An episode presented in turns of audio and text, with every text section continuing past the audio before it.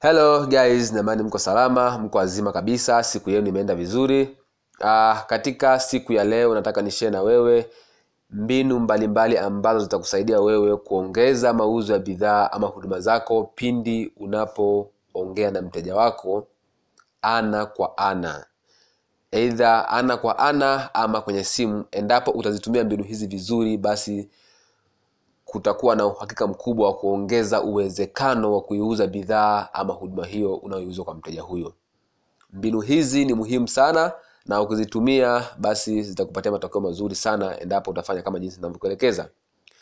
Nitakupa vitu vitatu ambavyo lazima uvifanye pindi unapouza bidhaa ama huduma yako panapowezekana ukiwa na mteja wako ana kwa ana au upo kwenye unaongea nao unaongea naye kupitia simu kwa hiyo ukivifanya vitu hivi vitakusaidia sana kuongeza mauzo ya bidhaa ama huduma zako.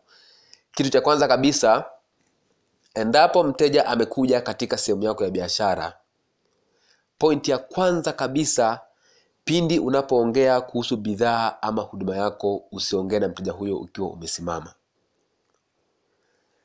Tafuta sehemu nzuri ukae na mteja wako then ongea naye kuhusu bidhaa ama huduma yako pindi ukiwa umekaa. Mkiwa umekaa wote wewe na mteja wako pindi unapoongea kuhusu kuuza bidhaa ama huduma yako. Tunasema hivi standing is for losing and sitting is for closing. Hii nilijifunza kwa grant cardon kwamba unapoongea na mteja wako huku umesimama kuna uwezekano mkubwa sana mteja huyo kutokununua bidhaa yako. Lakini unapoongea na mteja wako huku amekaa kuna uwezekano mkubwa sana mteja huyo akafanya maamuzi sahihi na haraka ya kununua bidhaa ama huduma kwa sababu atakuwa amerelax na ni ishara ya kujiamini kuhusu bidhaa ama huduma unayoiuza endapo utamkalisha mteja wako chini wote mkawa mnaongea kuhusu bidhaa ama huduma huku mmeketi chini. Ndio maana unashauriwa katika ofisi kuwepo na viti. Haijalishi ni ofisi gani lazima kuwa kuna viti. Pindi unapoongea na mteja wako hakikisha muwe mmekaa chini hata kama mna negotiate kuhusu bei ya bidhaa mahuduma mkalishe mteja wako chini muongee kuhusu bei ya bidhaa mahuduma huduma. Aidha ni bidhaa ama ni huduma au unamwambia una, kuhusu idea fanya fursa fulani hakikisha huo umekaa. Hiyo itakuongezea uwezekano wa kuuza bidhaa huduma kwa asilimia kubwa sana. Hiyo ni point ya kwanza.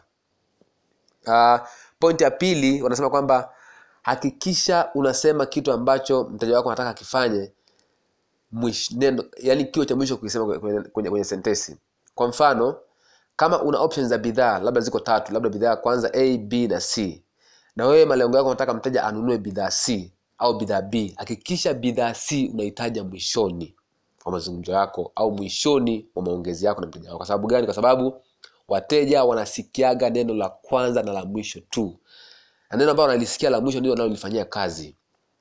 Kama unataka kuamini mpe mteja option mbili kati ya a na b. Alafu malizia b mwishoni au a mwishoni uone atakwambia anataka achukue option gani. Atachukua option ambayo umemalizia mwishoni. Kwa mfano labda ukamuuliza unataka uchukue a au b atakwambia nipe b. You see? Yani ana huwa wana tatizo la wana wana, wana kisaikolojia wateja wanasikiaga neno la kwanza na la mwisho. Ndio maana unashauriwa unapouza bidhaa huduma pointi kubwa ya bidhaa itaje mwanzoni na mwishoni sasa watu wengi huwa vitu, vya muhimu wanataja katikati mwishoni wanaongea vitu ambavyo havina msingi sana kwa wateja ndio kuta wanashindwa kuuza bidhaa. Lakini mtu ambaye anaongea kitu cha msingi mwanzoni anapoanza kuongea na mteja wake na mwishoni anapomaliza anapomalizia kufunga mauzo kuna uwezekano mkubwa sana wa kuiuza bidhaa huduma hiyo. Kwa sababu mteja huyo amesikia neno la mwisho. Neno la mwisho lina nguvu sana. Kwa hiyo malizia neno la mwisho ambalo nataka mteja wako alichukue. Kama ni bidhaa kama ni bidhaa ni bidhaa a au bidhaa b au bidhaa c inategemea ila bidhaa nataka mteja anunue imalizie mwishoni. Liwe neno la mwisho kulitaja katika masikio ya mteja. Ndicho kitu ambacho mteja wako atakifanyia maamuzi au atakitekeleza ambacho amekisikia kwa mara ya mwisho. Hicho ni kitu cha pili. Kitu cha tatu tunasema kwamba katika vitu ambavyo vinauza sana ambavyo vinaongeza mauzo kwa asilimia arobaini na tano unasema ni tone of voice. Sauti ya muuzaji inaongeza mauzo kwa asilimia arobaini na tano. Alafu ishara za mwili ni arobaini na tano alafu maneno ni asilimia kumi. Kwa hiyo kumbe mauzo ya bidhaa huduma yanapatikana kutokana na ishara za mwili unazoziweka alafu na sauti unayoitoa maneno huaga hayamati sana. Kwa hiyo mauzo yote yanafanyika kupitia tonality au masau, sauti unayoiongea pindi unavyoongea na mteja wako na ishara za mwili ambazo unaziweka pindi unapoongea na mteja wako. Sasa leo nitaongelea kuhusu upande wa sauti tu. Unatakiwa utumie sauti gani pindi unapoongea na mteja wako endapo unataka kufunga mauzo. Iko hivi. Zig Ziglar alisema kwamba wateja huwa wana utaratibu wa kusikia zaidi na kulifanyia kazi neno ambalo umeliongea kwa sauti ya chini. Kwa mfano wa kunong'oneza. Yaani ukitaka kitu mteja akisikiliza kwa makini zaidi na akifanyia kazi kwa asilimia mia moja fanya kama unakinong'oneza yaani kama vile unaongea kwa sauti ya chini ya kama ya kunong'oneza fulani hivi. Hicho kitu mte- mteja atakisikia atakisikia kwa utulivu na atakifanyia kazi kwa asilimia kubwa kuliko kile ambacho umekiongea kwa sauti ya kawaida. Kwa hiyo hakikisha katika sehemu ya faida za bidhaa zako unaongea kwa sauti ya chini. Na sehemu ya kufunga mauzo ongea kwa sauti ya chini mfano wa kunong'oneza hiyo katika akili ya mteja inasema kwamba this is scarcity. Inamaanisha uhaba na sensitivity. Kwamba kuna uhaba fulani wa hicho kitu na vile kuna muhimu wa hicho kitu. Ndio maana ameongea kwa sauti ya chini. Kwa hiyo kwenye sauti ya kunong'oneza kuna power. You see? Kwa hiyo jitahidi endapo unaongea na mteja wako kuhusu kitu fulani ikifika sema, sema ambao unaona ni kitu cha msingi kuhusu bidhaa yako punguza sauti kama vile mfano wa kunong'oneza. Hiyo inamfanya mteja awe hata kama alikuwa anafanya kitu utashangaa na acha ataka kusema unasema rudia hapo you see? Kwa hiyo ni, ni trick hiyo kwenye kuuza. Nasema kuna power kwenye neno kwenye, kwenye kunong'oneza. Nasema tone of voice. Wanasema lower your voice. Sawa? Kwa hiyo unapunguza sauti kidogo pindi unapoongea na mteja wako. Then ukataka asikie kuhusu faida fulani za bidhaa zako punguza sauti kwenye hicho. Hiyo itaongeza uwezekano mkubwa sana wa mteja wako kufanya maamuzi ya kununua bidhaa ama huduma. Kwa sababu kuna power au kuna nguvu katika kunong'oneza. Anasema lower your voice below normal.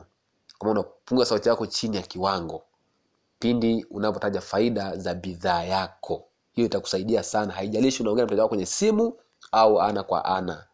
Kwa hiyo ukifanya hivyo utajiongezea uwezekano mkubwa sana wa kuuza. Vitu hivyo vitatu hakikisha unavifanya. Kitu cha kwanza na kazia. Kitu cha kwanza hakikisha pindi unapoongea na mteja wako hakikisha mwe umekaa chini. Kitu cha kwanza. Kitu cha pili kitu ambacho unataka mteja wako akifanye kitaje mwishoni. Kitu cha tatu hakikisha unapunguza sauti katika kipengele ambacho unataja faida za bidhaa ama huduma yako kwa mteja wako. Au pindi unapofunga mauzo punguza sauti chini kidogo. Mfano wa kunong'oneza. Kwa sababu kuna nguvu kwenye kupunguza sauti. Kuna power kwenye kunong'oneza wanasema there is a power in whisper.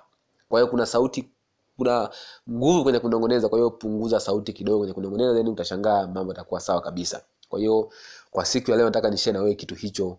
Vitu hivyo ni muhimu sana usivipuuze. Vitakuongezea sana mauzo ya bidhaa ama huduma yako. Kama kawaida kila siku nitakuwa natoa tips za mauzo kama kawaida yetu. Kwa hiyo jitahidi vitu hivi unavinoti sehemu kwa sababu ni vitu vya msingi sana vya kusaidia kuongeza mauzo yako. Wakati huo tunasubiria kitabu kitoke. Kwa wale ambao wana kiu ya kutumia mtandao wa internet kuuza bidhaa na huduma zao majibu yote nimeaanika kule. Siri ziko sita. Utachagua mwenyewe utumie siri gani? Kila kitu nimekianika kule ni wewe tu utashindwa kutumia. Wewe tu kwa sababu nimeweka vitu vyote kuhusu mtandao. Haijalishi unatumia biashara gani aidha ni bidhaa mahuduma ni wewe tu.